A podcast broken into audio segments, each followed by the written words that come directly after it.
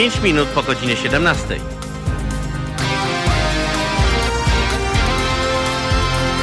Tu Halo Radio. Mówimy wszystko. Zaczynamy Halo Komentarze. A po tej stronie Marcin Górski. Będę z Państwem w halo komentarzami do godziny 18.45. Dzisiaj mamy ostatni dzień marca, czyli 31 do końca roku, więc zostało około tak 275 dni. A dzisiaj imieniny obchodzą m.in. Benjamin i Balbina dwóch ciekawszych dat, które możemy znaleźć w kalendarzu z poprzednich lat, to 31 marca między innymi było w 1989 roku premiera kultowej już komedii filmowej mm, Piłkarski Poker w reżyserii Janusza Zaorskiego, gdzie mogliśmy podziwiać między innymi Janusza Gajosa, Mariana Opanie, Ola Młodusiutkiego, e, Olafa Lubaszenkę. Ale już 10 lat później, 31 marca 1999 roku e, miała miejsce strzelanina w restauracji Gama w Warszawie, gdzie zginęło pięciu gangsterów i to był początek wojny między mafiami polskimi, skrótowo nazywana Wołomińsko-Pruszkowska.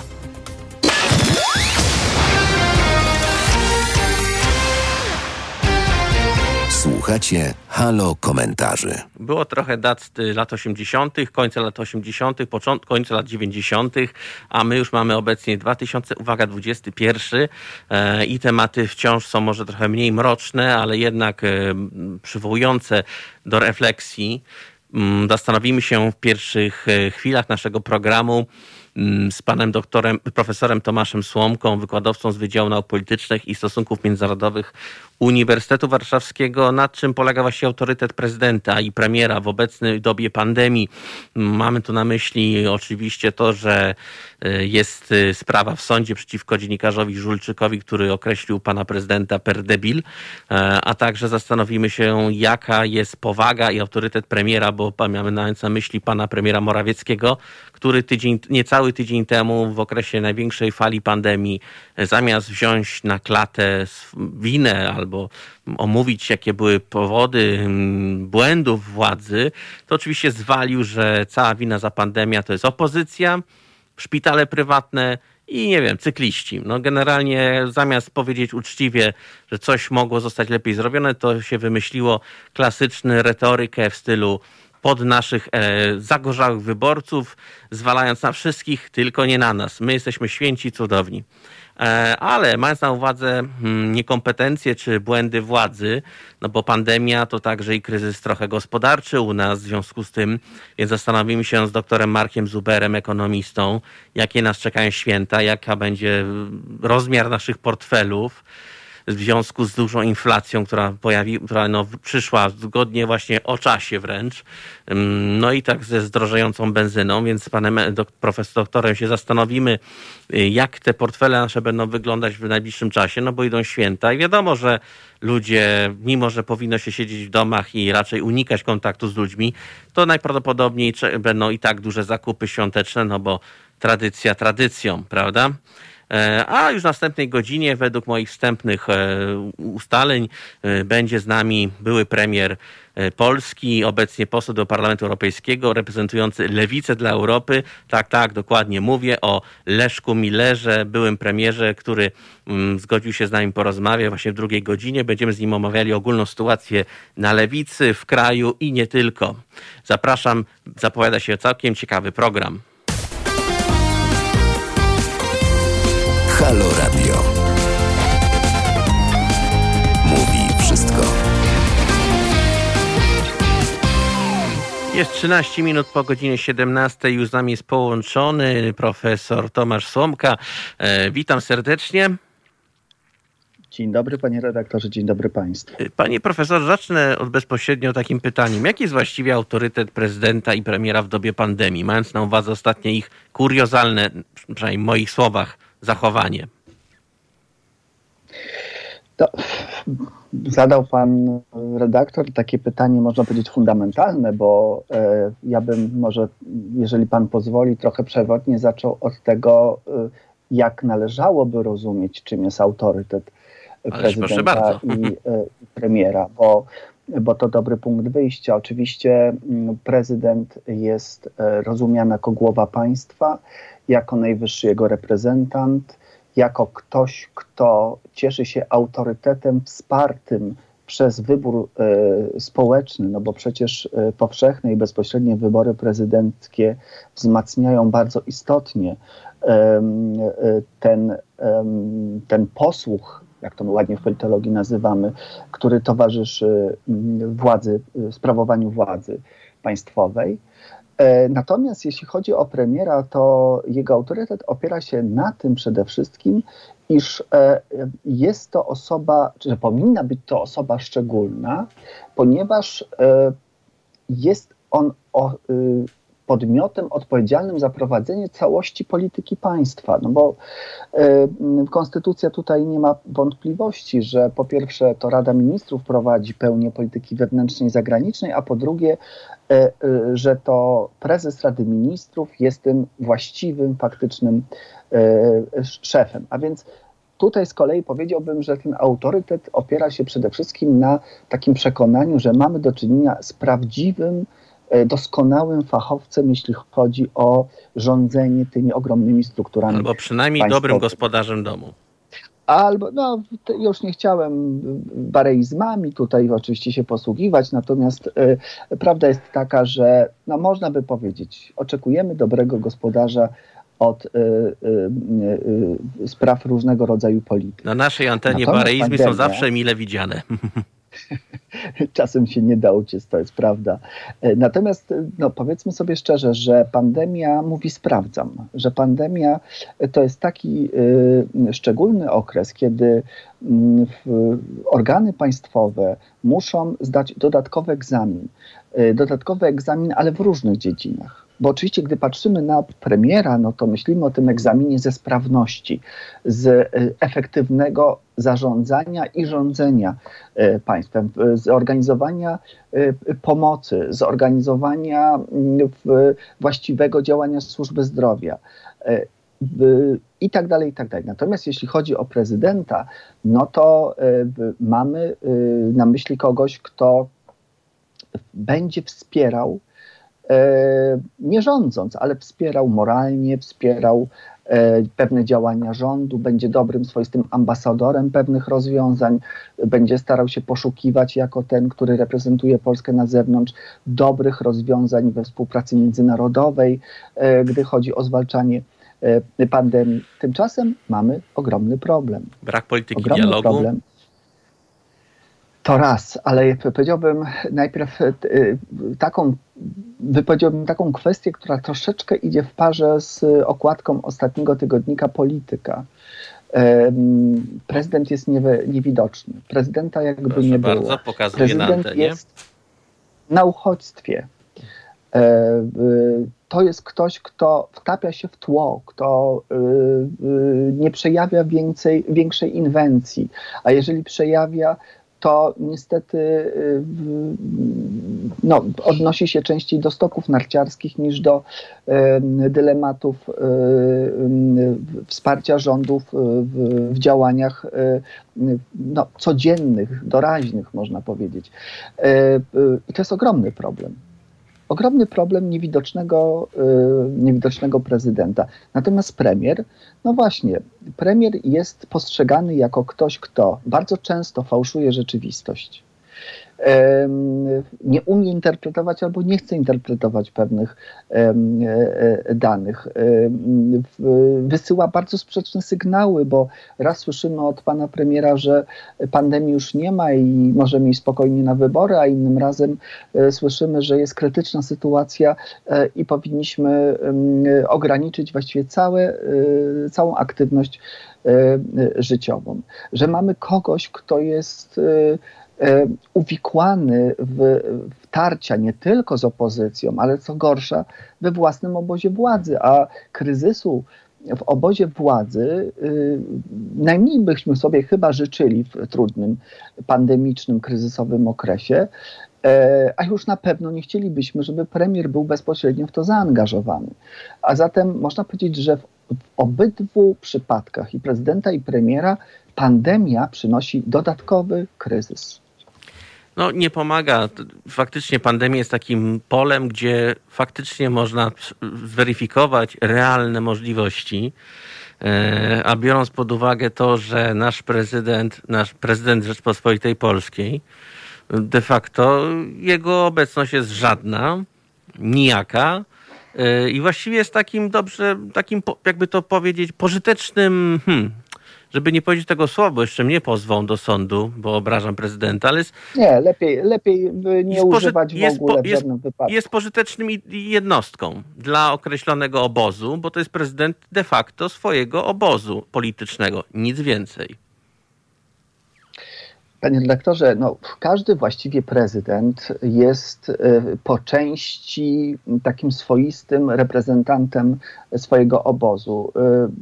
No, prowadzimy reprezentantem, owszem, ale jednak y, poprzedni prezydenci potrafili w miarę wyjść poza ten obszar podziałów i próbowali. Dobrze, dobrze że pan redaktor powiedział, że w miarę, bo, w miarę. Y, bo żadnemu się to nie udało. Natomiast, natomiast ja się zgodzę z jednym, że e, prezydent Andrzej Duda, gdybym tworzył taki, można powiedzieć, nieoficjalny ranking zdolności do funkcjonowania w, w, zgodnie ze zdolnościami wznoszenia się ponad partyjne podziały i oderwania się do, od własnych korzeni politycznych, to zdecydowanie byłby na ostatnim miejscu.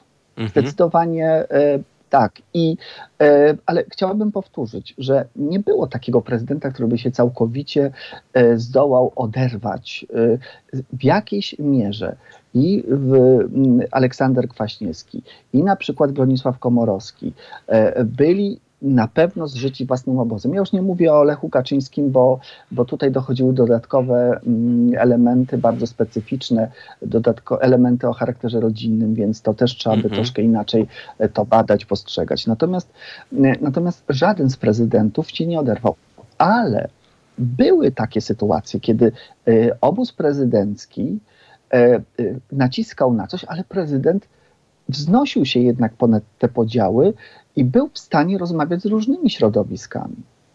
Proszę spojrzeć, że na przykład Aleksander Kwaśniewski jest jednak tym, który doprowadził do pewnego kompromisu konstytucyjnego w 96-7 e, roku. Gdyby, podejrzewam, że gdyby nie stanowisko prezydenta Kwaśniewskiego, gdyby nie jego koncyliacyjny charakter, e, to nie byłoby czegoś takiego jak tak zwana e, koalicja konstytucyjna, czy łuk konstytucyjny, jak to się niekiedy też nazywa, który zagwarantował, że ponad podziałami nie tylko politycznymi, ale historycznymi.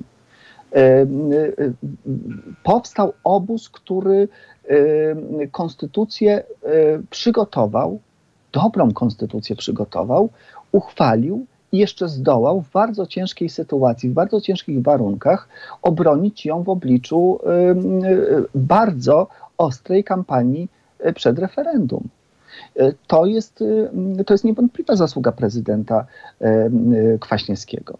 I, ale powiem też może zupełnie przewrotnie, to będzie pewnie niepopularne, ale ja na szczęście nie jestem politykiem, tylko politologiem, więc badam, a nie e, angażuję się emocjonalnie e, w, w pewne rzeczy. Mi się wydaje, że krótka prezydentura Jaruzelskiego przewrotnie pokazała, że był to prezydent, który e,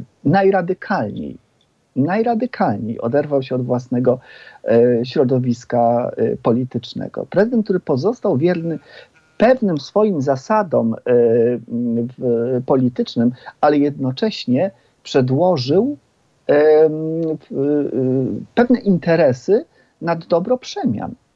I to jest niezwykle ciekawy przypadek, który mam nadzieję z upływem lat będzie w coraz mniejszym, w coraz mniejszych emocjach badany, a w coraz większym wymiarze obiektywnego spojrzenia na tę prezydenturę. Ale tak, y, bo w sumie rozmawiamy o autorytecie prezydenckim, ale także autorytecie premiera, bo jak pan zinterpretował wypowiedzi premiera Morawieckiego, który zamiast uczciwie przyznać, jakie były możliwe rozwiązania, konkluzje przy pandemii, zwalił zwyczajnie winię na opozycję i na, jeszcze do tego absurdalnie na prywatne szpitale, co całkowicie było nieprawdą. Jak traktować, takie, jak no, traktować no, takie wypowiedzi? Ja byłem wstrząśnięty tą konferencją prasową, powiem szczerze, no właśnie z tych dwóch powodów. Po pierwsze, y, mam nadzieję, że nawet przeciętny, y, niezbyt zaangażowany w śledzenie życia politycznego y, odbiorca doskonale rozumie, że państwem rządzi rząd, mhm. który ma za sobą większość parlamentarną, a nie opozycja. To, że opozycja nie potrafi czy nie chce współpracować z rządem, to jest bardzo częsta sytuacja. Ja za chwilkę o tym powiem jeszcze dwa słowa. Mhm. Ale co do, co do rządu, ale rząd musi mieć zdolność do efektywnego podejmowania decyzji.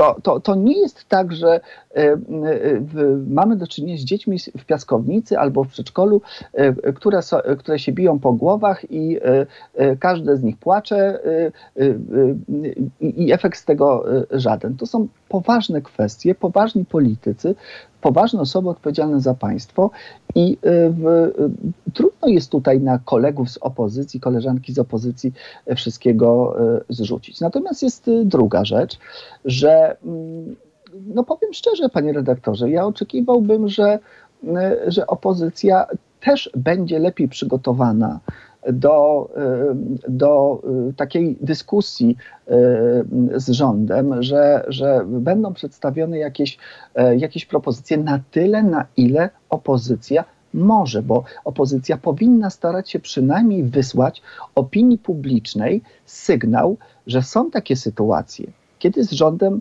w jakimś zakresie jednak trzeba współpracować, e, bo życie i zdrowie obywateli jest e, e, najważniejsze. Więc tu nie może być takiego oporu opozycyjnego mm, ponad wszystko. Ale dodam jeszcze wszakże i przypomnę jeszcze jedną rzecz. Opozycja nie ma instrumentów, żeby tworzyć politykę. Więc ja nie wiem do końca, o co pan pre, premier miał pretensje. I, no i służba zdrowia. No, Panie redaktorze, no, mam takie wrażenie, że się trochę czas cofnął, że, że e, jak nie szukamy kułaków jako wrogów narodu, to szukamy e, Niemców, jak nie Niemców, to szukamy LGBT, jak nie LGBT, to Unia Europejska albo Zaraz będą cykliści. inne elementy. No cykliści już byli. To minister Waszczykowski bodajże zasłynął tym. E, natomiast Natomiast e, chcę powiedzieć już zupełnie e, poważnie, że e, to nie jest tak, że prywatna służba zdrowia powinna przyjść z, z jakimś adresem poddańczym i powiedzieć: No, rządzie, proszę, weź nas tutaj, zaangażuj, zrób co chcesz. No, ja myślę, że jednak poważny rząd kładzie na stół wszystkie możliwe oferty, łącznie oczywiście z finansową bo powiedzmy sobie szczerze, że to nie jest tak, że służba zdrowia prywatna będzie pracowała, e, funkcjonowała za darmo e, tylko dlatego, że jest e, pandemia. Tam muszą być uzgodnienia finansowe, ale ja myślę, że gdyby rząd miał dobrą wolę, to współpraca z prywatną służbą zdrowia byłaby lepsza. A druga rzecz, ja się tak zastanawiam, oczywiście nie mam danych, nie mogę autorytatywnie tego stwierdzić, ale patrząc na bliższych, dalszych znajomych, bliższą i dalszą rodzinę, zadaję pytanie, czy gdyby nie ta prywatna służba zdrowia, można byłoby się dostać w miarę e, e, w miarę sprawnie do specjalisty, na przykład kardiologa czy onkologa, e, kiedy jest trudno. Byłoby bardzo Ja myślę, trudno. że w jakiejś mierze, oczywiście nie za darmo, ale prywatna służba zdrowia również ratowała bardzo ważne fragmenty y, tej polityki ochrony zdrowia. Ale też najlepsze jest to, że duża część prywatnych y, opieki medycznej ma kontrakty z NFZ-em. Po prostu najzwyczajniej na świecie okazało się, że pan premier może o tym nie pamiętał, ale dzień później pan minister Niedzielski, który był na tej konferencji, ale milczał, przyznał, że mogło dojść do pewnego lapsusu językowego, nieporozumienia. Z drugiej strony trudno jest, trudnej sytuacji był on też sam, ponieważ no, wiadomo, że to on jest ministrem tego rządu konkretnego i wiadomo, że no, mógł premier powiedzieć coś nie, nie halo, ale no, zostało to wyjaśnione. Ale reasumując, autorytet głowy państwa i prezesa Rady Ministrów, mając na uwadze to, co wszystko widzimy, no niestety to nie napawa optymizmem, ponieważ daleko nam do polityki dialogu i brakuje nam takich też perspektyw, że w przyszłości to się rozwiązało. Więc w jednym zdaniu, jakie są możliwości na dalszy bieg wydarzeń? O, to też jest bardzo trudne pytanie na koniec. Panie redaktorze, nie ukrywam. E, oczekiwalibyśmy kogoś y, i chyba to uzdrowiłoby mhm. sytuację, gdyby przez jakiś czas, teraz myślę o prezydencie, mhm. przynajmniej przez jedną kadencję, była osoba, która rzeczywiście uchodzi za mm, autentyczny autentyczny autorytet społeczny, nie tylko polityczny, nie tylko zahaczony gdzieś w układach, e, partiach politycznych, tylko rzeczywiście polityczny. Ale to, co ja mówię, to jest oczywiście pewna bajka, bo przy wyborach powszechnych to się raczej nie zdarzy. Ale tak się składa, że i pan redaktor, i ja coś wiemy o Republice Włoskiej. Mhm. I wiemy, że przy innej formule wyborczej, w, w sytuacji kryzysu można rozwiązywać sytuacje, można rozwiązywać dylematy. Kiedy Giorgio Napolitano stał się w oczach opinii publicznej, ale też i klasy politycznej, pewnego rodzaju mm, niezbędnym arbitrem, niezbędnym autorytetem, do tego, aby mm, w sytuacji kryzysu, akurat wtedy ekonomicznego, mhm.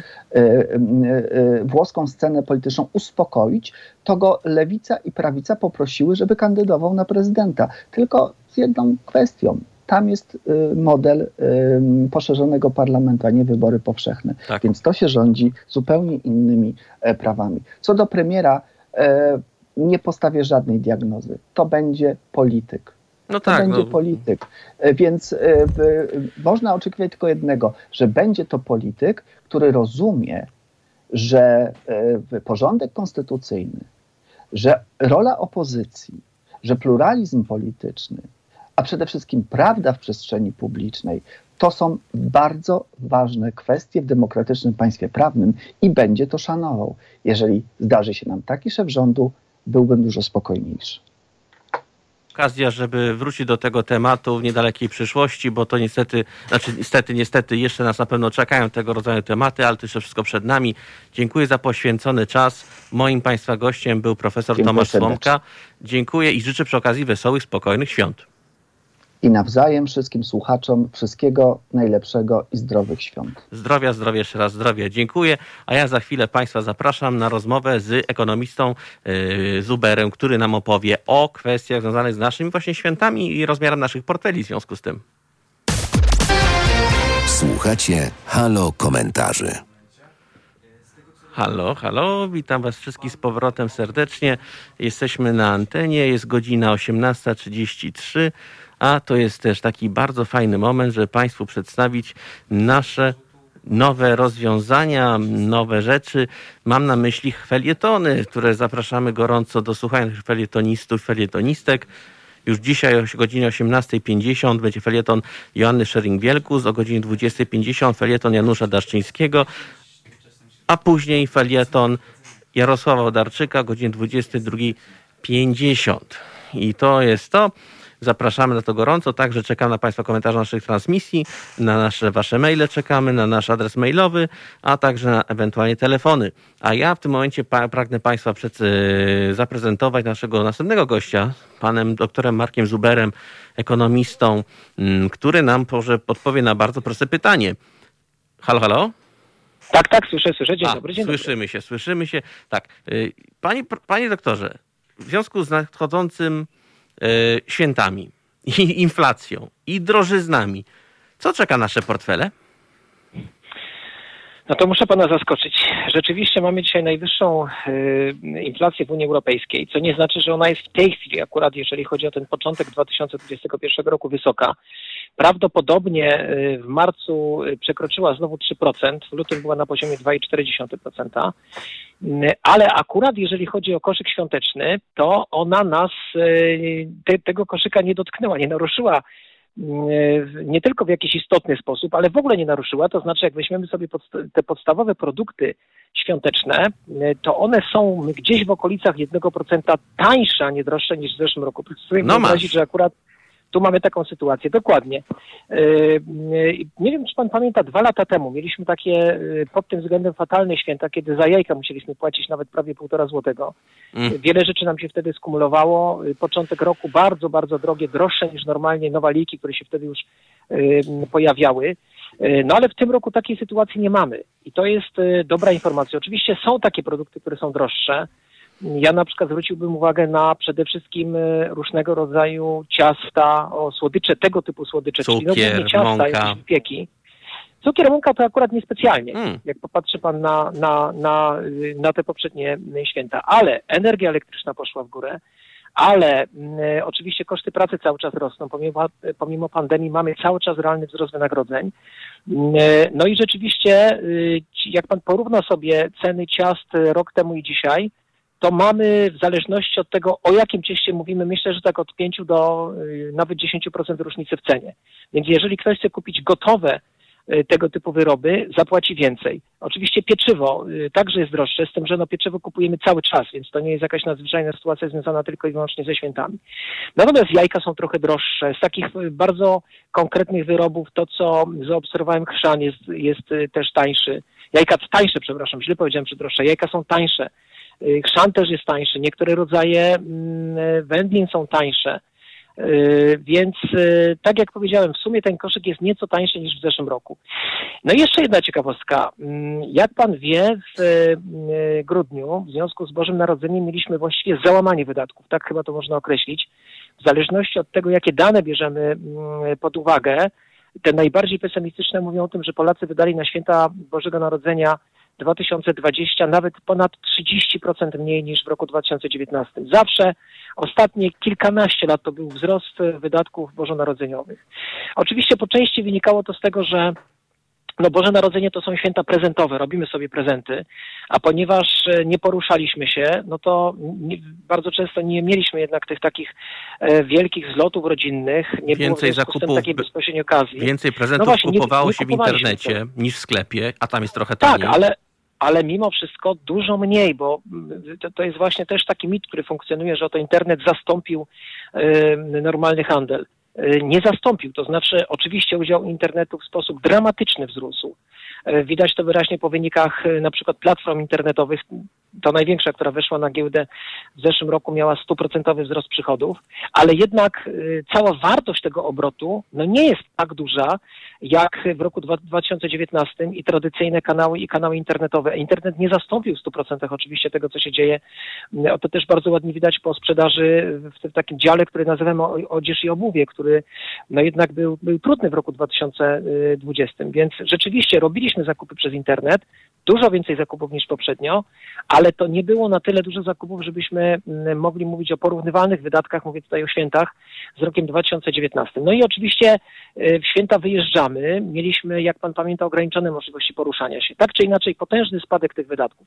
A w kwietniu teraz tak nie będzie. Wszystkie prognozy, które mamy, wszystkie takie y, jakieś badania, które mówią, ile chcesz wydać, wskazują na to, że Polacy wydadzą znowu więcej. Więcej niż w zeszłym roku. Czyli tutaj ten systematyczny wzrost wydatków jest utrzymany. To ma być rząd wielkości 4-5%. No stąd wniosek, że głównie na żywność, y, bo przecież y, to nie są święta prezentowe. Tak. No i ja to w ten sposób interpretuję, że trochę y, chcemy sobie chyba odrobić te właśnie takie trudniejsze święta Bożego Narodzenia. Wielu z nas ma mm, poważne problemy, szczególnie jeżeli działa w tych branżach bezpośrednio dotkniętych COVID-em, ale bardzo wiele osób nie ma tych problemów. Wszystkie te branże eksportowe bardzo dobrze y, się w drugiej połowie 2020 roku. W związku z tym ten strach przed y, załamaniem naszych y, mm, wydatków, bo to, naszych dochodów, bo to też z całą pewnością miało wpływ na te wydatki bożonarodzeniowe. On jest chyba dzisiaj mimo wszystko nieco mniejszy. I to powoduje, że trochę odważniej y, idziemy z tymi wydatkami, czyli trochę bogatsze będą te stoły wielkanocne, no bo skoro planujemy większe wydatki, a koszyk jest tańszy, to stąd wniosek, że jeszcze bardziej, jeszcze więcej będziemy kupowali, albo więcej, albo po prostu lepszych jakościowo rzeczy. Także tak będą prawdopodobnie wyglądały te święta y, Wielkiej Nocy w tym roku. Czyli nie, czyli nie jest tak źle, jak się mogłoby wydawać. Inflacja jednak trochę zrobiła swoje, bo mówi się, że to jest powrót inflacji powyżej poziomu 3% i nie trzeba na to długo czekać. Z najnowszych wyników y, raportów GUS wynika, że no wzrost cen podbijają przede wszystkim żywność, ale i paliwo, bo systematycznie rośnie. No właśnie, wie pan, ja od kilku, od trzech lat nie zgadzam się z Narodowym Bankiem Polskim, który mówi, będzie spadać inflacja, opanujemy, będzie spadać. Jak pan pamięta, w zeszłym roku, na początku roku przebiła nam 4%, prawie na poziomie 5% wylądowaliśmy w lutym, Mhm. e, więc nie sprawdziły się kompletnie te prognozy NBP-u. E, I teraz też NBP mówi, będzie pod kontrolą. Ja się z tym nie zgadzam, znaczy mam nadzieję, że będzie pod kontrolą, ale nie zgadzam się, że będzie tak niska, jak mówi Narodowy Bank Polski. Moim zdaniem druga połowa roku to będzie wyraźny wzrost cen. Oby tylko nie jakiś bardzo mocny, y, no ale to wiele będzie też zależało od działań choćby Narodowego Banku Polskiego w kwestii zwiększenia ilości pieniądza, bo to, co popularnie nazywamy drukowaniem pieniądza, to się rzeczywiście w Polsce od zeszłego roku dzieje i to też mhm. potencjalnie może nam y, doprowadzić do kłopotów. Ale jak pan wskazał na to, co drożeje, to proszę sobie wyobrazić, że wcale nie żywność y, najbardziej.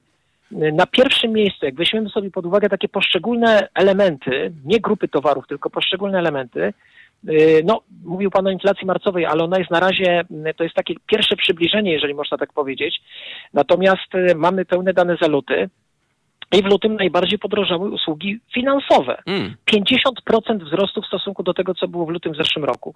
E, I tu też e, z wielu przyczyn to wygląda, ale jedną z nich wynika, ale jedną z nich jest, e, są obniżki stóp procentowych, a dokładnie ta ostatnia, którą dokonano w zeszłym roku, która rzeczywiście dość mocno dotknęła Mm, banki, jeżeli chodzi o możliwość generowania zysków i one sobie to odbijają, odbijają po prostu podnosząc ceny prowizji, opłat i tak dalej, i tak dalej, więc też w jakiejś mierze Narodowy Bank Polski wpłynął na ten wzrost inflacji. Na drugim miejscu śmieci. E, ulubiony e, e, kierunek działań, że tak powiem, medialnych prezesa Glapińskiego, prezesa Narodowego Banku Polskiego, który mówi, że to jest jakaś w ogóle katastrofa z tym wzrostem. Ja akurat tutaj w tym miejscu bardzo się z nim zgadzam. Ma rację nie widzę żadnego powodu, dla którego y, śmieci miałyby w ciągu tych 12 miesięcy wy, wywóz śmieci podrożyć o prawie 40%. Naprawdę, czym byśmy to, panie redaktorze, nie tłumaczyli, nie ma podstaw. No myślę, że jedyny mm, jedynie brak wystarczającej konkurencji w systemie. No tak chyba tylko trzeba do tego podchodzić, ale faktycznie to jest na, na drugim miejscu. I na trzecim miejscu znowu usługi, czyli znowu nie twarde towary, usługi związane, no i tutaj y, jest to w dużej mierze zrozumiałe ze stomatologią, z wszystkim, co, co związane jest z naszym upięknianiem, y, y, wszystkiego tego typu rzeczy, wszystkie tego typu rzeczy. Z jednej strony to także jest y, dłuższy trend wynikający z tego, co powiedziałem przed chwilą, czyli wzrosty kosztów pracy. Coraz więcej zarabiają lekarze, pielęgniarki. Ja nie mówię, że szczególnie pielęgniarki wystarczająco dużo, ale nie zmienia to faktu, że jednak te wynagrodzenia rosły w ostatnich latach. No i oczywiście wzrost cen energii. No i do tego na to nakłada się pandemia oczywiście, bo nie wiem, czy pan pamięta, że przecież w połowie zeszłego roku mieliśmy nawet w wielu przypadkach, w takich punktach y, usługowych, na przykład u stomatologów, taką informację, że tam, nie wiem, wyrwanie zęba czy cokolwiek kosztuje 200 zł plus 40 zł opłaty koronawirusowej, czyli pokrycie tych wszystkich kosztów związanych z tym kombinezonem, z, z, z płynami i tak dalej, i tak. Więc to na trzecim miejscu. Ale jeszcze ciekawostka. W pierwszej dziesiątce największych wzrostów cen w lutym jest woda mineralna. Proszę sobie wyobrazić, prawie 8% wzrost w stosunku do lutego zeszłego roku. Jak to woda mineralna? Co się takiego wydarzyło? No ja mam w zasadzie jedno wytłumaczenie tylko. Y, ta opłata cukrowa, która od 1 stycznia obowiązuje, moim zdaniem została rozłożona także na inne y, na inne produkty. Bardzo często jest tak, że szczególnie te największe koncerny mają cały wachlarz produktów od właśnie różnego rodzaju napojów wysokosłodzonych po wody mineralne. Więc żeby nie doprowadzać do takiego potężnego wzrostu cen jakiegoś napoju wysokosłodzonego, to trochę podniesiono cenę, oczywiście bardziej cenę napoju wysokosłodzonego, ale trochę też przerzucono ten podatek na wody mineralne. No to taka ciekawostka, panie redaktorze. No tak czy inaczej, y, moim zdaniem, tak jak powiedziałem przed chwilą, dalsze miesiące to raczej przyniosą nam wzrost inflacji niż spadek, szczególnie druga połowa roku. Czyli druga połowa roku nas czeka dosyć cięższa, w szczególności, że w perspektywie mamy dalej taki trochę rok niepewności w związku z niejasnościami, jeżeli chodzi o szczepienia. Ma się zmienić program szczepień. Im więcej będzie osób zaszczepionych, tym większa może perspektywa, że trochę sytuacja się ostudzi. No już tak naprawdę trudno jest dzisiaj e, jednoznacznie potwierdzać te prognozy, które budowaliśmy jeszcze w listopadzie, jeszcze w mhm. październiku, wtedy kiedy zaczynała się już druga fala, ale nie spodziewaliśmy się, że będzie tak, e, aż, aż tak dramatyczna, bo ona już wtedy nas zaskakiwała, ale mimo wszystko mieliśmy nadzieję, że to jest kwestia miesiąca, dwóch i sytuacja jednak wyraźnie się poprawi. Tymczasem się pogorszyła. Tak. E, więc pewnie będziemy mieli, no pierwszy kwartał będzie trudny, to już wiemy. Drugi kwartał pewnie będzie oznaczał duży plus jeżeli weźmiemy wzrost gospodarczy w odniesieniu do drugiego kwartału 2020, ale głównie dlatego, że w zeszłym roku mieliśmy w drugim kwartale załamanie gospodarki, czyli to, to tak ładnie nazywamy efektem bazy. Mhm. Skoro było bardzo, bardzo słabo, to wyraźnie wystarczy, że w tym roku będzie trochę lepiej i już będziemy mieli plus. Ale y, to tak trzeba interpretować. No, muszę panu powiedzieć, że oddala nam się ta perspektywa takiego bardzo mocnego wybicia. Y, czyli takiego wybicia w okolice 5%, bo i takie mieliśmy przecież prognozy. Y, no ale to dzisiaj jeszcze za wcześnie, żeby na ten temat mówić, no bo właśnie pytanie, co będzie, co się wydarzy. Wydarzy w tych najbliższych e, miesiącach, jeżeli chodzi o rozwój pandemii. Czy uda się rzeczywiście przyspieszyć te szczepienia? Przecież mamy takich specjalistów, którzy mówią o czwartej fali, która jest według nich pewna. Nie wiemy. To, co nas dzisiaj ratuje, to z całą pewnością fakt, że duża część świata, szczególnie Azja, y, albo opanowała koronawirusa, albo nie ma tam takiego poważnego problemu jak u nas. I tam mamy po pierwsze wzrosty gospodarcze, po drugie mamy w związku z tym popyt, mamy ssanie, także kupowanie towarów z Europy, a skoro z Europy, to także z Polski, albo bezpośrednio, albo raczej pośrednio, choćby na przykład w, takim, w taki sposób, że kupowane są towary niemieckie, do których my produkujemy jakieś części, jakieś podzespoły. I właśnie ta sprzedaż za granicę, ten eksport, to jest to, co nas wyciągnęło z koronawirusowego dołka w zeszłym roku i to jest największa, moim zdaniem przynajmniej szansa na to, żeby zobaczyć jakiś istotny plus w roku 2021, jeżeli chodzi o wzrost gospodarczy, bez względu na to, co się będzie działo w Polsce i w Europie y, z, z pandemią, chociaż wiadomo, że ograniczenia y, aktywności, na przykład w Niemczech, no to także jest y, ograniczenie aktywności eksporterów, także tych, którzy kupują niemieckich eksporterów, także tych, którzy kupują u nas jakieś towary po to, żeby właśnie potem gdzieś dalej to reeksportować albo poskładać z tego jakieś inne elementy i wysłać dalej. Więc to też będzie miało wpływ. No ale największy to, co się będzie działo, to, co się dzieje już w innych częściach świata, szczególnie właśnie w Azji. Czyli jest powiedzmy jakiś promyk nadziei w tunelu, jest szansa, że może jakoś to się powoli, powoli wytoczy. No, powiem tak, panie doktorze, tego się powinniśmy trzymać. Przed nami święta, czas refleksji. E, mam nadzieję, że nie tylko refleksji, ale też i chwili takiego momentu takiego rozsądku jednak, bo przy takim dużym uderzeniu fali e, zachorowań może jednak ludzie przez ten okres trochę zastanowią się nad tym wszystkim, bo to jest w interesie nas wszystkich de facto. E, Bardzo dobre ży życzenia. Podpisuję się pod nimi. Absolutnie. I tego się trzymamy. E, wkrótce może będziemy mieli kolejną okazję, żeby to omówić, bo zobaczymy, co będzie po tym weekendzie świątecznym, bo to też jest dużo znaków zapytania, ale to na pewno jeszcze będzie okazja. Moim i Państwa gościem był dr Marek Zuber, ekonomista, specjalista, e, który nam objaśnił mniej więcej tak w skrócie, jakie będą nasze portfele w tym najbliższym czasie. E, a w tym czasie dziękuję za poświęcony czas. Bardzo dziękuję jeszcze raz. Wszystkiego dobrego na święta. Kłaniam się i wszystkiego dobrego także również życzę. A de facto zaraz Państwa zapraszam do dalszej części programu. Już wkrótce kolejne ciekawe wątki. Tu Halo Radio. Mówimy wszystko. Za 9 minut, 18.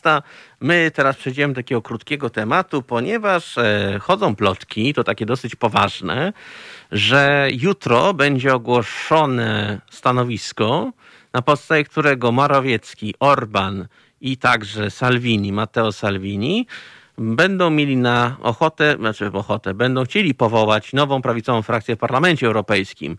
Czyżby się tworzyła nowa siła polityczna w Brukseli? No, kto go wie, może być to całkiem możliwe, ponieważ niedawno Fidesz Orbana wycofał się z ludowców.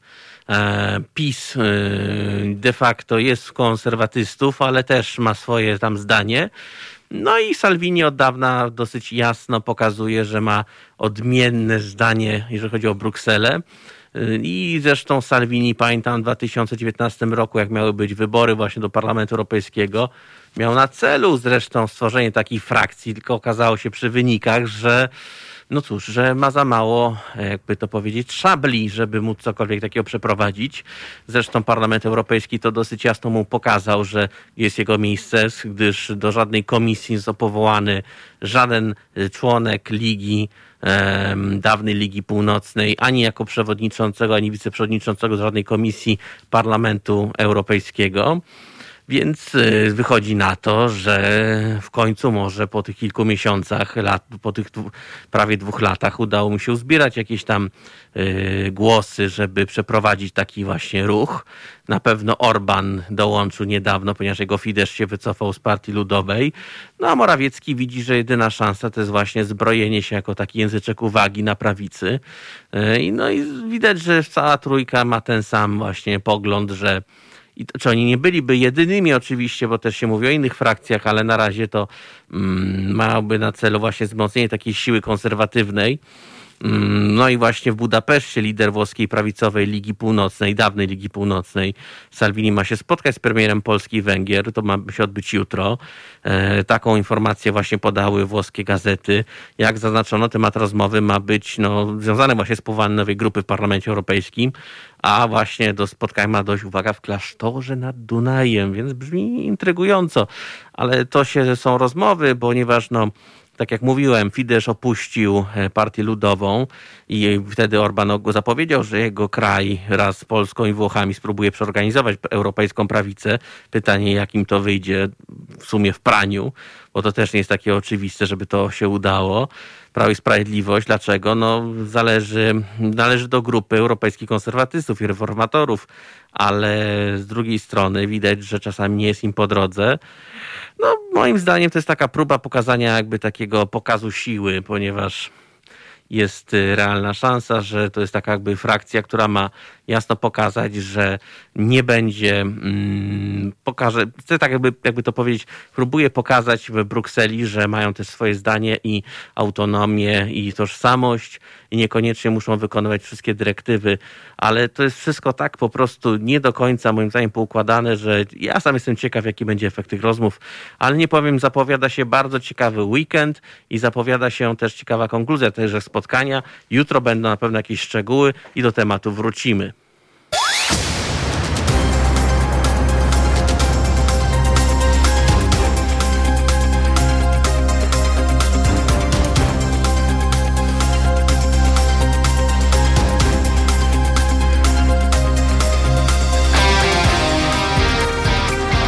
Jest 5 minut po godzinie 18.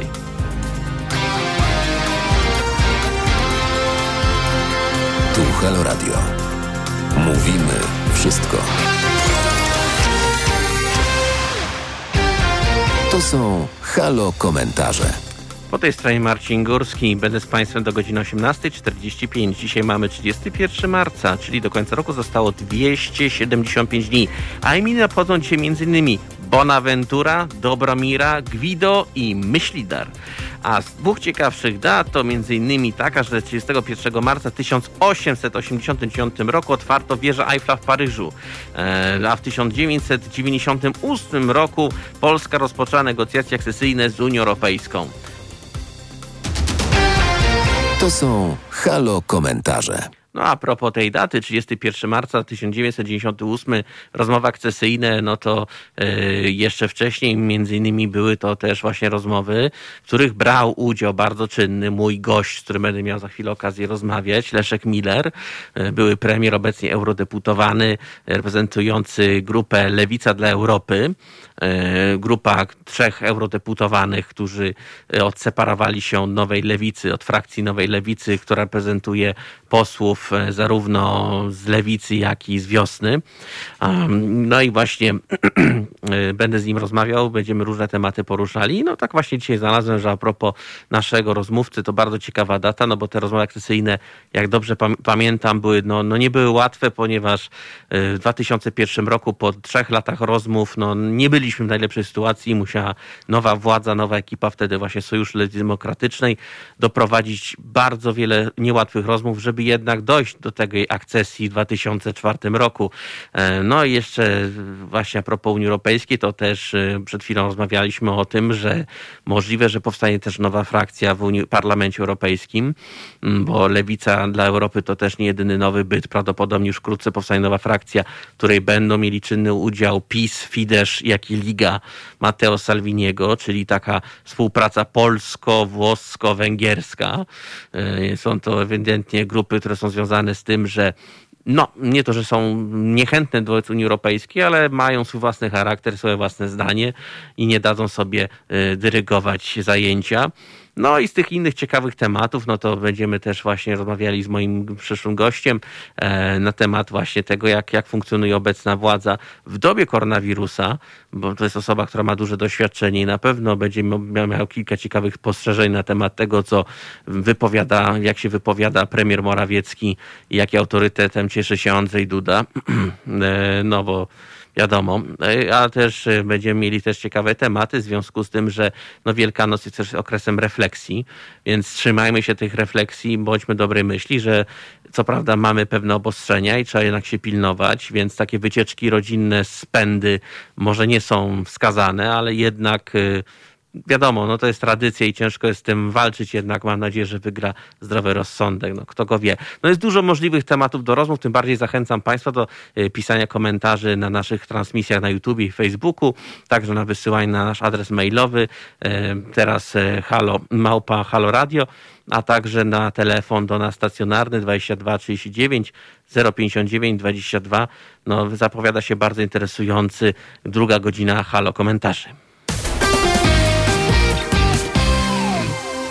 Jest kwadrans po godzinie 18, a z nami już jest połączony Leszek Miller, były premier, obecnie eurodeputowany. Witam serdecznie. Dzień dobry panu, dzień dobry państwu. Witam. Leszek Miller, Lewica dla Europy. Zaznaczamy, bo w związku ze zmianami na lewicy i fuzją między wiosną a Sojuszu Demokratycznej pan, jak pan tak to pan ujął, pan nie odszedł od SLD, ale SLD odeszło od pana i pan razem z dwoma innymi eurodeputowanymi, czyli Włodzimierzem Cimorzyczem i Markiem Belką założyliście Lewicę dla Europy i planujecie aktywnie niej działać, ponieważ na lewej stronie powstała nowa Lewica. Proszę mi powiedzieć, tak? Tak, tak, ma pan rację. Dobrze pan to charakteryzuje. Tak, i właśnie tak zauważyłem taką tendencję, bo no, cały czas słychać od, są tego echa w mediach. Ktoś tam jeszcze nawet z lewicy powiedział, nowej lewicy, że i to był pan Dariusz Wieczorek, że jeżeli ktoś nie chce pomagać, to niech nie przeszkadza. To jest trochę mało stosowne określenie, przyzna pan. Wie pan, nie chcę cenzurować kolegów, którzy albo dają wyraz braku wychowania, braku kultury, więc również nie będę się odnosił do pana Wieżorka, bo właściwie po co. My, tak jak pan wspomniał, razem z panem premierem Belką i Cimoszewiczem utworzyliśmy odrębną delegację. Ja doszlusowałem do moich dwóch bezpartyjnych kolegów, bo uznałem, że ponieważ zlikwidowano mi moją partię, do której przez wiele lat należałem, byłem dwukrotnie przewodniczącym, to nie będę już wstępował do żadnej innej. Będę po prostu bezpartyjny i utworzyliśmy delegację, którą nazwaliśmy Lewica dla Europy i to jest nasz nasza grupa działania w gru, nasza grupa działania w szerszej zbiorowości, mianowicie grupie politycznej Sojuszu Postępowych Demokratów i Socjaldemokratów, czyli SND. Natomiast wracając jeszcze do wieczorka, wie pan, jak ja słyszę takie powiedzenia, że no, jak nie pomagacie, to nie przeszkadzajcie to od razu sobie kojarzę to, co każda opozycja musi robić i co robi pan Wieczorek. Mhm. I pan Wieczorek też mógł usłyszeć i pewnie słyszy wielokrotnie od przedstawicieli rządu, jak nie pomagacie, to przynajmniej nie przeszkadzajcie. Więc szkoda, że pan Wieczorek nie stosuje się do tego, co sam robi, zresztą słusznie, bo opozycja jest od tego, żeby wytykać rządzącym różne błędy. Wywołał pan temat Mateusza Morawieckiego, znaczy władzy, czyli inaczej mówiąc Mateusza Morawieckiego, który no, ostatniej wypowiedzi dosyć sposób, no, moim przynajmniej zdaniem, nie do końca odpowiedni, zwalił oczywiście całą winę za dramat związany z pandemią na opozycję. I tak się zastanawiam, czy pan jako były premier, który też miał do czynienia z różnymi kryzysami w rządzie, a jednocześnie wykonywał także swoje obowiązki, jak można w sumie, jak pan z perspektywy osoby z takim doświadczeniem widzi takie zachowanie? No to jest po prostu, jak pan obserwuje to? No to jest taka bardzo wyraźna próba y, rozmycia własnej odpowiedzialności y, i zamieni i próba zamiany walki z wirusem na walkę polityczną. Jednym słowem, pan, pan premier Morawiecki próbuje podzielić się odpowiedzialnością z, z, z opozycją, ze społeczeństwem. No wszyscy są w jakiś sposób winni, tylko oczywiście nie on, bo rząd robi wszystko, co może. To raz, a dwa, widać wyraźnie, przepraszam bardzo, widać wyraźnie od wielu już miesięcy, że mm, e, ta próba okiełznania pandemii ze strony polskiego rządu odbywa się pod dyktando PR-owców, a nie ekspertów medycznych. E, I to wszystko, co mówi, co robi pan e, premier, to jest próba wyjścia jakoś z kłopotów, wyjścia z twarzą, ale w taki sposób, żeby ponieść jak najmniejsze straty. I prawdopodobnie mm, ta e, retoryka do jakiejś grupy wyborców PiSu trafia. No ale coraz trudniej e, zakrzyczeć fakty. I zwłaszcza w ostatnich dniach widzimy, jak ta trzecia fala e, pandemii, fala, można ją nazwać imieniem Mateusza Morawieckiego, rozlewa się po kraju a jej początkiem e, była e, decyzja jeszcze sprzed świąt, kiedy e, przywieziono tysiące Polaków z Wielkiej Brytanii, nie tak. poddając ich żadnym, żadnym testom. No to mamy konsekwencje tamtych decyzji, które rząd podejmował. Czyli tak jak pan sam ujął, premier na kolanach, ponieważ ta pandemia go tak uderzyła, że ta władza właściwie no, ciężko, żeby tak szybko wstała po takim ciosie. No wie pan, nie, niejednokrotnie już widzieliśmy, e, że zdawałoby się ewidentne fakty świadczące o korupcji, e, o nepotyzmie, o e, zwykłych kradzieżach i przechwytywaniu pieniędzy publicznych, że ktoś poniesie za to konsekwencje, ale jak dotąd nic, nic takiego się nie stało, no z prostego powodu. Mianowicie mm, to, co się dzieje wśród rządzących i to, co się dzieje po prawej stronie sceny politycznej, zależy tylko i wyłącznie od jednego człowieka, od Jarosława Kaczyńskiego.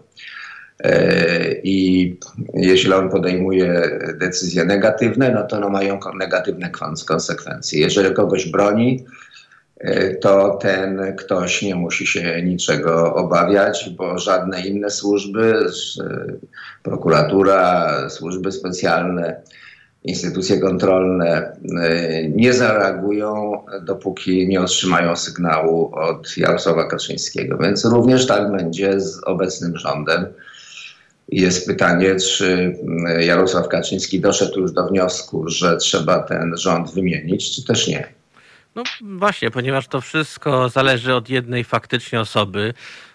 I mam takie wrażenie, że mam takie trochę déjà vu, ponieważ czytając pewną książkę, Anatomia Siły, czyli wywiad rzeka z panem właśnie premierem Leszkiem Millerem, widziałem tam bardzo ciekawy fragment, który pan skomentował, między innymi to, że jak przechodziła nowa władza po 89 roku, e, która długo nie potrwała, bo w 93 roku już był kryzys, tak zwany efektem wojny na górze, której bohaterem był między innymi też Jarosław Kaczyński. Pan wtedy powiedział takie właśnie dobre zdanie, że w końcu opozycja przyszła i zamiast krytykować, musiała faktycznie wziąć odpowiedzialność za swoje, za faktyczne e, efekty, elementy rządzenia. Czy, czy faktycznie czegoś się może jednak nauczyli, czy jednak nie? Bo mam wrażenie, że ciągle widzę kryzys na prawicy. Wie pan, ja sądzę, że mm, wraz e, z rządami, którymi de facto kieruje Jarosław e, Kaczyński, mamy zupełnie nową epokę. Otóż y, przywołał Pan czasy, kiedy cyrkulacja władzy odbywała się w sposób normalny i kiedy niezależnie kto rządził, y, starał się trzymać w ramach obowiązującego prawa, czyli obowiązującej konstytucji i obowiązujących przepisów stąd y, wynikających. Nikomu nie przyszło do głowy, żeby podporządkować sobie praktycznie wszystkie instytucje państwa jednemu centrum e, władzy publicznej. Tak jak to jest teraz, łącznie ze środkami e, przekazu mylnie e, zwanymi publicznymi. Więc to jest nowy etap. Jestem ciekaw, jak w przyszłości on zostanie określony, czy czy po prostu dyktatura, czy jakaś forma autokracji, czy w jakiś inny sposób, ale tego jeszcze w polskich przemianach po 1989 roku nie było. I sam sobie zadaję często pytanie, czy ci ludzie, którzy dzisiaj sprawują władzę i czerpią z niej garściami nie należne im profity, czy oni sobie nie zadają pytania, a co się stanie, kiedy tą władzę utracą? Czy oni sądzą, że będą tą władzę e, sprawować e, do końca świata? Y, czy oni uważają, że gdyby przegrali wybory, to pójdą na jakieś rozwiązanie siłowe, żeby tę władzę za wszelką cenę utrzymać? I y, powiem szczerze, że nie potrafię sobie udzielić odpowiedzi, co tam w duszy Kaczyńskiego, jego najbliższych współpracowników drzemie. Ale reasumując, dotychczasowe doświadczenia, no bo od 1989 roku przecież y, różne ekipy sprawowały władzę i była e, różna większość parlamentarna. Ale za każdym razem mm, wszyscy y, działali na podstawie i w granicach prawa. Dopiero teraz ta konstytucyjna zasada została złamana. Zdecydowanie, y, bo obserwując to, co się dzieje, to faktycznie może wyciągnęli jakieś wnioski po tak zwanym konwencie świętej Katarzyny. Faktycznie stwierdzili, że w jedności jest siła, czyli mamy jeden konglomerat w postaci PiSu, a właściwie jeszcze szerzej Zjednoczonej Prawicy. Tam widać, że tam są różne zgrzyty, nerwy, że frakcje się, no tak kolokwialnie powiem, atakują i y, pochylają nad tym, ale generalnie widać, że jednak mają świadomość, że tylko w ten sposób przetrwają. Tylko ja mam pewne mm, wątpliwości, czy nawet jeżeli, załóżmy scenariusz, y, ta władza odejdzie, jakaś inna ekipa przejmie rządy po nich, załóżmy, opozycja obecna, załóżmy, tak? To czy faktycznie my mamy pewność, że zostaną ci ludzie rzeczywiście rozliczeni? No bo ja mam pewne wątpliwości. To jest związane e, z pytaniem, jakie mechanizmy mm, e, zostaną wówczas zastosowane, bo wyobraźmy sobie, że najbliższe wybory przynoszą zmianie, zmianę większości parlamentarnej, tworzy się jakaś koalicja, złożona z obecnej opozycji i PiS y, jest zmuszony przejść y, do opozycji. No ale proszę zwrócić uwagę, że prezydent y, zostaje ten sam. Trybunał Konstytucyjny zostaje w tym samym składzie.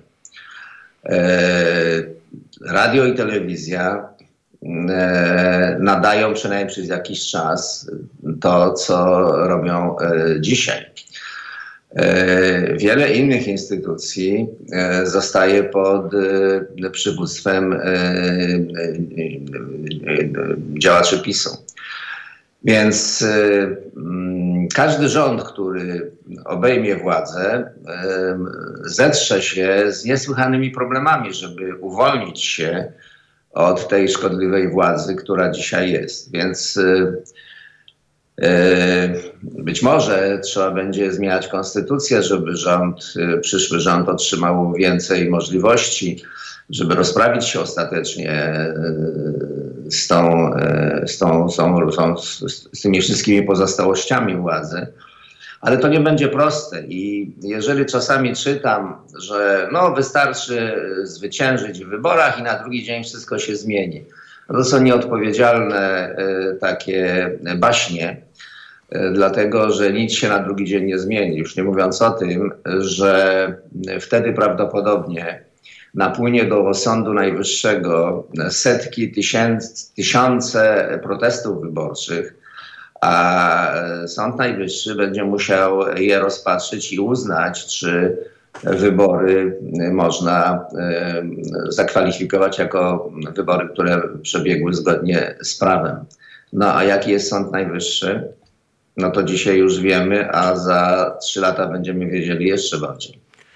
No, no właśnie, to jest, to jest cała ta zagwozdka, jest masa różnych mechanizmów i elementów, które mogą niestety utrudnić tak zwane, jak nazwijmy cudzysłowie, rozliczenie. Powinna po prostu nowa władza stosować te same mechanizmy, które wykorzystał PiS w latach 2015-16, czyli po prostu zmieniać przepisy i prawa. Ale do tego są potrzebne określone elementy. E, za chwilę wrócimy do dalszej części programu. Moim Państwa gościem jest Leszek Miller, Lewica dla Europy. E, będziemy omawiać historię wejścia Polski do Unii Europejskiej, bo w sumie dzisiaj bardzo ładna data, 31 marca, rozpoczęcie rozmów. No i mój gość dosyć doskonale znał dużą część przebiegu tych rozmów i negocjacji. Za chwilę za, za Państwa będziemy.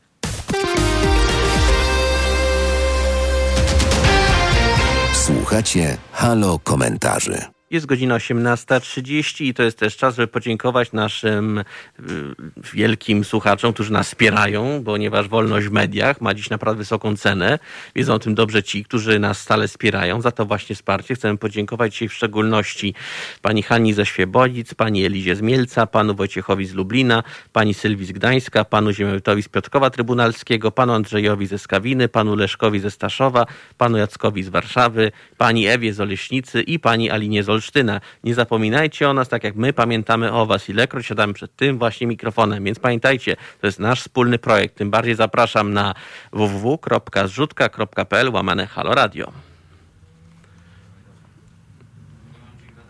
Y, I cały czas jesteśmy z moim gościem, y, naszym gościem Leszek Miller, Lewica dla Europy, były premier, y, obecnie eurodeputowany. Witam serdecznie jeszcze raz. Dzisiaj jest 31 marca. Mamy rocznicę rozpoczęcia negocjacji z Unią Europejską, które pański rząd bardzo ładnie przejął, bo w 2001 roku wiem i pamiętam także z lektur, że sytuacja nie była taka oczywista dla nas wtedy, yy, bo pamiętam, że pan wtedy konsultował ten temat właśnie z panem yy, ówczesnym ministrem spraw zagranicznych Włodzimierzem Cimoszewiczem. No tak, formalnie rzecz biorąc, negocjacje rozpoczęły się rzeczywiście 31 marca 1998 roku. E, nie były łatwe, bo trzeba było e, rozpocząć i zamknąć dyskusje w 31 e, zespołach tematycznych bo tyle kwestii było do e, omówienia. E, trzeba było zmienić setki, a może nawet tysiące aktów prawnych, rozpoczynając od e, ustaw, a kończąc na rozporządzeniach i zarządzeniach. My, żeby wejść do Unii Europejskiej, musieliśmy po prostu dostosować polskie prawo do standardów i wymogów Unii Europejskiej, opierając się głównie na tzw. Tak traktatach kopenhaskich. E, to był wówczas zestaw e, e, takich kierunkowskazów politycznych i gospodarczych, w którą stronę kraje kandydat, kandydujące muszą zmierzać, żeby osiągnąć swój cel.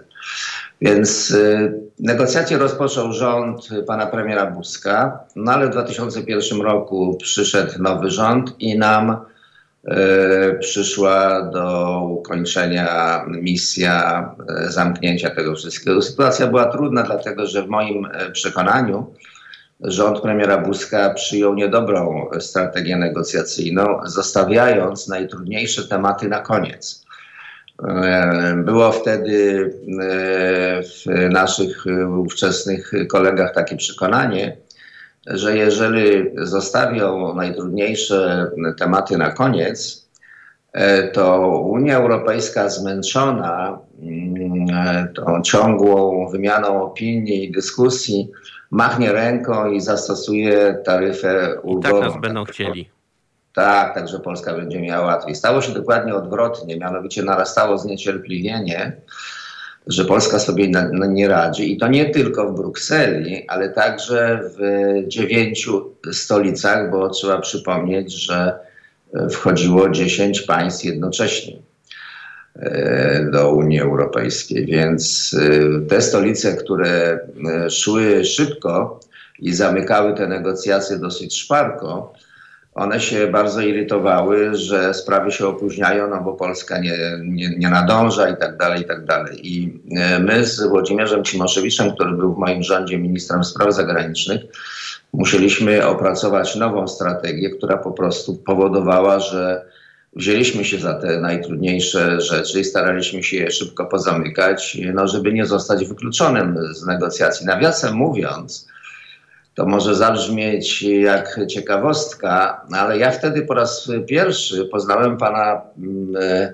Orbana, który wtedy również był szefem węgierskiego rządu. Mm, rok potem przegrał już wybory i wszyscy socjaliści, ale kiedy ja zostałem premierem, to e, Orban kierował węgierskim rządem i Orban się najbardziej awanturował, wykrzykując, że jeżeli Polska nie nadąża, to to jest jej sprawa a do mm, Unii jak najszybciej powinny wejść y, kraje, które sobie dobrze radzą, na przykład Węgry i Węgry nie będą na nikogo czekać.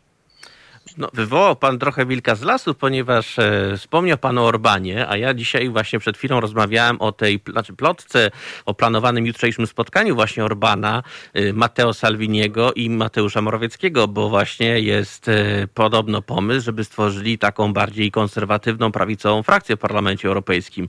Jak pan e, się na to zapatruje?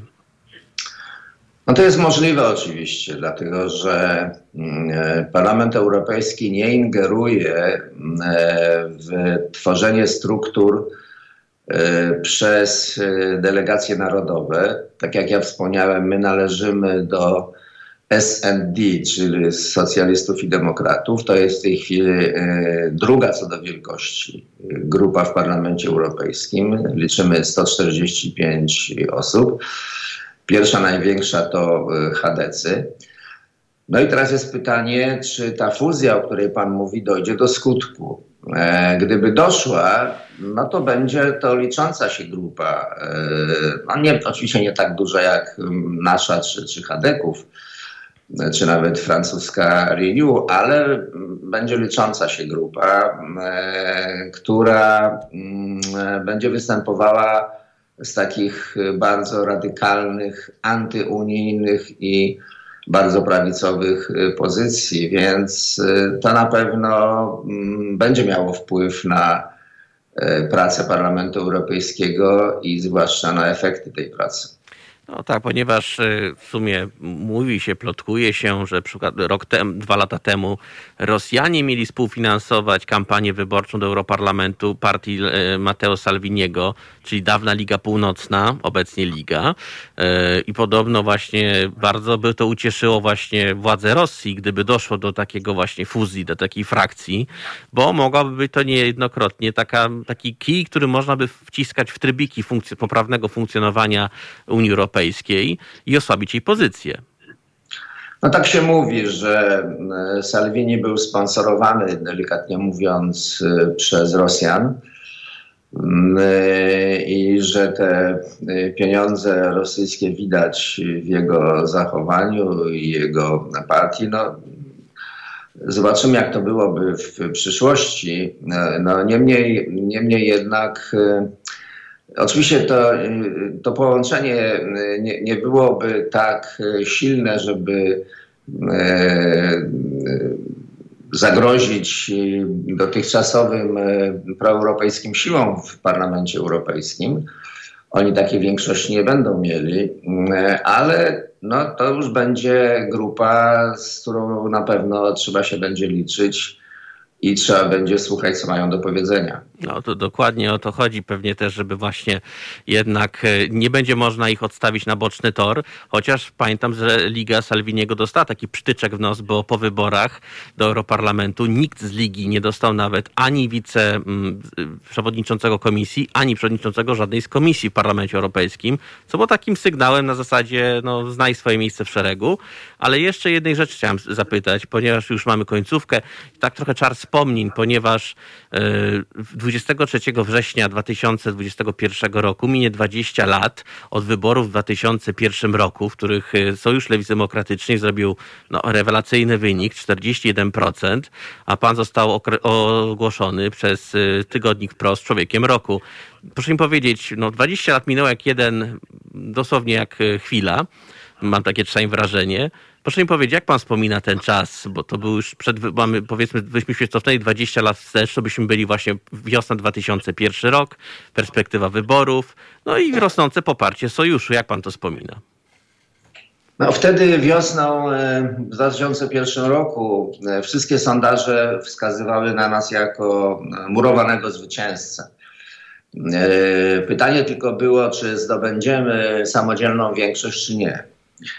I gdyby nie zmiana ordynacji wyborczej na pół roku przed wyborami, E, która w, e, zlikwidowała system Donta i wprowadziła Saint-Ligi, to mielibyśmy tą większość. Tylko, że wszyscy nasi konkurenci e, w obawie, że my się zbyt bardzo wzmocnimy i będziemy pierwszą w historii grupą, która może samodzielnie rządzić, oni rzutem na taśmę, mm, e, jeszcze raz podkreślam, na pół roku przed wyborami e, zmienili ordynację wyborczą, wprowadzili taki system, który nie premiuje zwycięzców. E, gdyby był Dont, tak jak w tej chwili, to wygralibyśmy samodzielnie. No to były, to były bardzo takie euforycz, euforyczne dni. Zanosiło się na wielkie zwycięstwo lewicy. Mm, no i tak się y, stało. My wtedy osiągnęliśmy ten wynik ponad 41%, mm, bo y, jawiliśmy się ogromnej części polskiego społeczeństwa nie tyle jako reprezentanci interesów jakiejś określonej grupy społecznej, tylko jako politycy, którzy potrafią harmonizować różne, nawet sprzeczne cele różnych wielkich grup e, społecznych. Bo to zawsze mm, taki obraz w oczach wyborców e, zawsze premiuje tych, którzy są w stanie o tym przekonać wyborców. Mm, no i mm, obejmowaliśmy tą władzę w bardzo trudnych warunkach. Już o integracji europejskiej mówiliśmy, ale przede wszystkim e, mam na myśli także warunki gospodarcze, bo mieliśmy zerowy wzrost gospodarczy. E, ogromną tak zwaną dziurę Bałca, gdzieś rzędu 70 miliardów złotych, którą trzeba było jak najszybciej jakoś e, zasypać. Ogromne bezrobocie, szereg nierozwiązanych problemów społecznych. Także mm, cieszyliśmy się bardzo, że mm, wygraliśmy i że po raz pierwszy w historii, także wliczając lewicę w okresie międzywojennym, że po raz pierwszy lewica ma aż taki sukces ale z drugiej strony zdawaliśmy sobie sprawę, co nas czeka. Nie wszystko oczywiście przewidzieliśmy. Na przykład nie przewidzieliśmy e, tak zwanej afery Rywina i jej skutków, mm, tak. które bardzo podkopały e, naszą e, pozycję w oczach społeczeństwa. No tak, no to, to komisja Rewina to było chyba taka pierwsza akcja, a sytuacja w Polsce i to też jednocześnie był rozkwit tak zwanych mediów y, prywatnych i mediów całodobowych, jak te... Proszę, wie pan, jeśli, jeśli mogę coś dodać, to... Oczywiście. Y, dwukrotnie zastosowano w stosunku do lewicy y, prowokacje, które miały Y, doprowadzić do przegranej lewicy, ale w taki sposób właśnie na zasadzie e, środków poniżej pasa. E, raz, kiedy wybuchła tak zwana afera Olina, czyli wtedy, kiedy premier Oleksy tak. został oskarżony o kontakty z przedstawicielem KGB i został zmuszony do ustąpienia. I później, kiedy e, wybuchła tak zwana afera Rywina, no, no, kolejna prowokacja, która no, doprowadziła do wstrząsów na lewicy i skutki tych wstrząsów e, do dzisiaj są. Tak więc e, dwa razy obóz prawicowy uciekł się do niegodnych metod, żeby pokonać lewicę. No i mam wrażenie, że ów obóz prawicowy wciąż uwielbia uprawiać makiawelistyczną zasadę, ciosy poniżej pasa mile widziane. No niestety, no, póki co chyba tak to będzie wyglądać, ponieważ no, to, to akurat prawica doprowadziła w szczególności do perfekcji niskie ciosy. No i zasada została złamana, ponieważ często tak się mówi o obecnej władzy, że to jest grupa, która po prostu przyszła i zrobiła wszystko, czego nikt się inny przyzwoity by nie spodziewał. To, to tak, taki trochę kopnąć stolik i wszystko w górę i, i, i, jest świetnie. No to niestety takie mam wrażenia. Ale przy powiedzieć jeszcze na sam koniec, przed nami święta Wielkiej Nocy. Jakaś refleksja? Ja się zawsze cieszę na taki czas, kiedy mogę pobyć z rodziną, zwłaszcza teraz, kiedy częściej jestem w Brukseli albo w Strasburgu niż w Warszawie. Bardzo się cieszę, że mogę spotkać się z rodziną, że nigdzie się nie śpieszę, że czas tak powoli płynie mm, i że jest taki świąteczny nastrój. Przeżywamy to wszystko. Ma, Wielkanoc ma również oprócz tej religijnej, religijnej Aury. Tego, innego kontekstu tej aury, tak, ma też do siebie, że to zwykle się odbywa wiosną, więc wiosnę już y, czuć na zewnątrz i to zawsze mm, napawa optymizmem, tak, tak y, dynamicznie y, wzywa do, do odrodzenia, do, do życia. No. Oczywiście, w tym roku, w, oczywiście w tym roku to wszystko jest przygaszone pandemią. Ludzie umierają, ludzie się boją spotykać, więc to, to są inne święta niezwykle. No ale mam nadzieję, że za jakiś czas wrócimy do kontaktów normalnych. Mam też taką szczerą nadzieję, bo wielką przyjemnością byłoby móc Pana gościć osobiście w studio, a nie tylko przez format, wiadomo, wirtualny. Ale to jeszcze mam nadzieję, że taka będzie możliwość już wkrótce, bo idzie ku lepszemu, podobno jest coraz więcej szczepionek na rynku, więc trzymamy się tego, że będzie wkrótce większość naszych obywateli zaszczepiona, może do końca roku się uda, przynajmniej w 75% bądź 70%, co dałoby jakieś perspektywy na przyszłość, ale trzymamy się tego, że idzie ku lepszemu. Za poświęcony czas. Dziękuję. Moim Państwa gościem był Leszek Miller, były premier, obecnie eurodeputowany z delegacji Lewicy dla Europy. Jeszcze raz dziękuję za poświęcony czas i życzę Dziękuję bardzo i e, wesołych i zdrowych świąt. Wesołych i zdrowych świąt, w szczególności zdrowia, zdrowia, bo reszta może przyjść przy okazji. Tak jest. Dziękuję, Dziękuję bardzo. bardzo. Kłaniam się serdecznie, a ja Państwa też już no, muszę powoli pożegnać, ponieważ czas nas dobiegł do końca i zaraz będzie z Wami siedział tutaj na moim stanowisku Adam Bysiek ze swoimi gośćmi i tematami, więc zapowiada się całkiem interesująco. Jeszcze raz ja z Państwem się widzę w najbliższą niedzielę w okresie świątecznym. Mam nadzieję, że też właśnie w okres świąteczny Państwo spędzą bezpiecznie i refleksja. Refleksja ponad wszystko. Pozdrawiam serdecznie.